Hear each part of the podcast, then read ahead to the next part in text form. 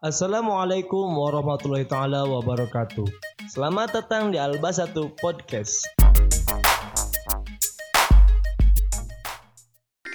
Kisah Ashabul Ukhdud, orang beriman yang dibakar dalam parit. Kisah ini disebutkan dalam Al-Quran Surat Al-Buruj ayat 4 hingga ayat 9. Dalam kisah ini, Allah memberikan pelajaran tentang seseorang yang diuji keimanannya. Ketika dipaksa untuk meninggalkan ajaran Allah, dia menolak walaupun harus menukarnya dengan nyawa. Di suatu kerajaan di kota Najran, dekat dengan perbatasan Yaman, hiduplah seorang raja yang memiliki tukang sihir yang sudah tua. Tukang sihir itu meminta kepada raja untuk dicarikan seseorang sebagai penerusnya kelak. Dibuatlah sayembara kepada para pemuda untuk menggantikan tukang sihir raja. Akhirnya terpilih seorang pemuda bernama Gulam. Keesokan harinya, Gulam berangkat ke rumah tukang sihir untuk berguru kepadanya. Saat di tengah perjalanan, Gulam melewati gua. Ia mendengar suara-suara, lalu ia pun memutuskan untuk masuk ke dalam gua. Gulam melihat seorang pendeta yang sedang duduk berdoa. Wahai pendeta, aku mendengar kalimat subhanallah berulang kali dari luar. Apakah kalimat itu adalah mantra sihir? Kalimat itu bukan mantra sihir. Itu adalah kalimat tasbih yang menunjukkan pengagungan kepada Allah Subhanahu wa taala. Siapa Allah Subhanahu wa taala itu? Allah Subhanahu wa taala adalah Tuhan pemilik langit dan bumi. Tidak ada sesuatu yang setara dengan Dia. Maukah engkau menceritakan kepadaku tentang Allah Subhanahu wa taala? Tentu saja. Datanglah ke sini kapan pun kau mau. Namun, jangan memberitahukan tentangku kepada siapa pun. Kemudian Gula meneruskan perjalanan ke rumah tukang sihir. Tapi ia dihukum karena datang terlambat. Apa yang menyebabkanmu datang terlambat, wahai Gulam? Uh, maaf, aku sedikit tersesat saat perjalanan ke sini. Suatu hari, di tengah perjalanan, Gulam bertemu dengan binatang besar yang menghadangnya. Gulam berpikir bahwa ini adalah saat yang tepat untuk membuktikan ilmu yang dipelajarinya. Manakah yang lebih baik, ilmu dari pendeta ataukah ilmu si tukang sihir? Gulam mengambil batu dan mengarahkan kepada binatang besar itu seraya berdoa kepada Allah. Ya Allah, jika ilmu pendeta itu lebih engkau cintai dari ilmu si tukang sihir, maka bunuhlah binatang ini. Berita tentang Gulam yang berhasil menaklukkan binatang itu pun tersebar. Beberapa orang datang kepada Gulam meminta disembuhkan dari penyakit cacat dan buta.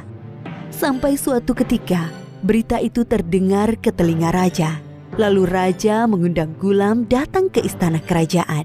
Sekarang, katakanlah wahai gulam, siapa yang mengajarimu ilmu untuk menyembuhkan orang buta?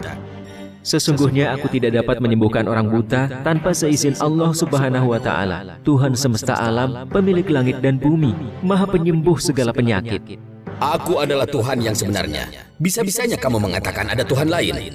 Raja memaksa Gulam untuk meninggalkan ajaran Allah. Namun Gulam menolak. Kemudian raja memanggil pasukan untuk membawa Gulam ke gunung dan melemparkannya dari atas gunung apabila tetap pada pendiriannya.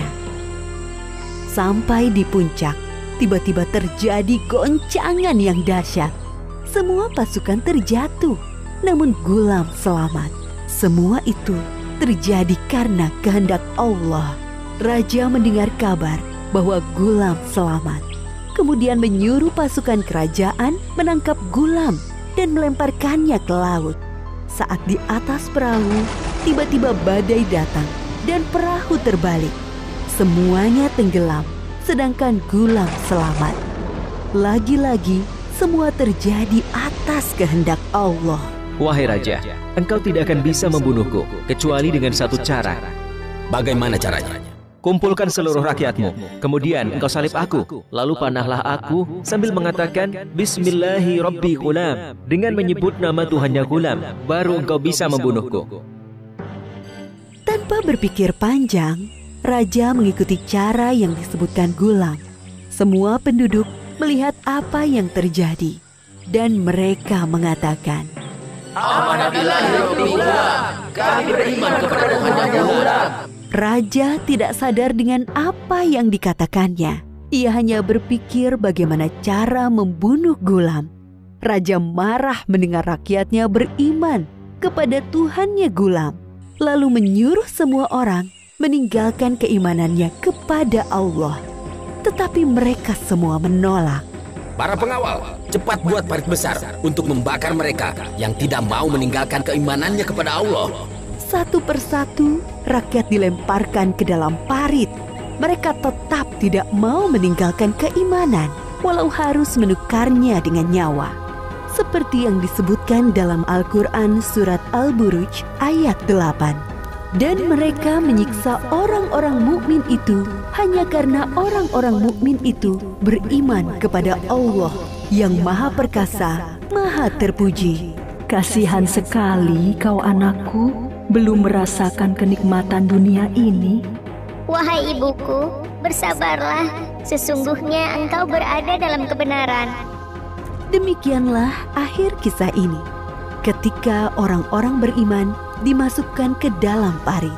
Dalam kisah ini, hendaknya kita tidak bersikap sombong atas apa yang dimiliki, karena semua itu terjadi atas kehendak Allah. Allah juga menguji keimanan kita untuk memilih dunia yang fana atau surga yang kekal. Orang yang lebih memilih beriman kepada Allah akan mendapatkan balasan surga. Wallahu a'lam.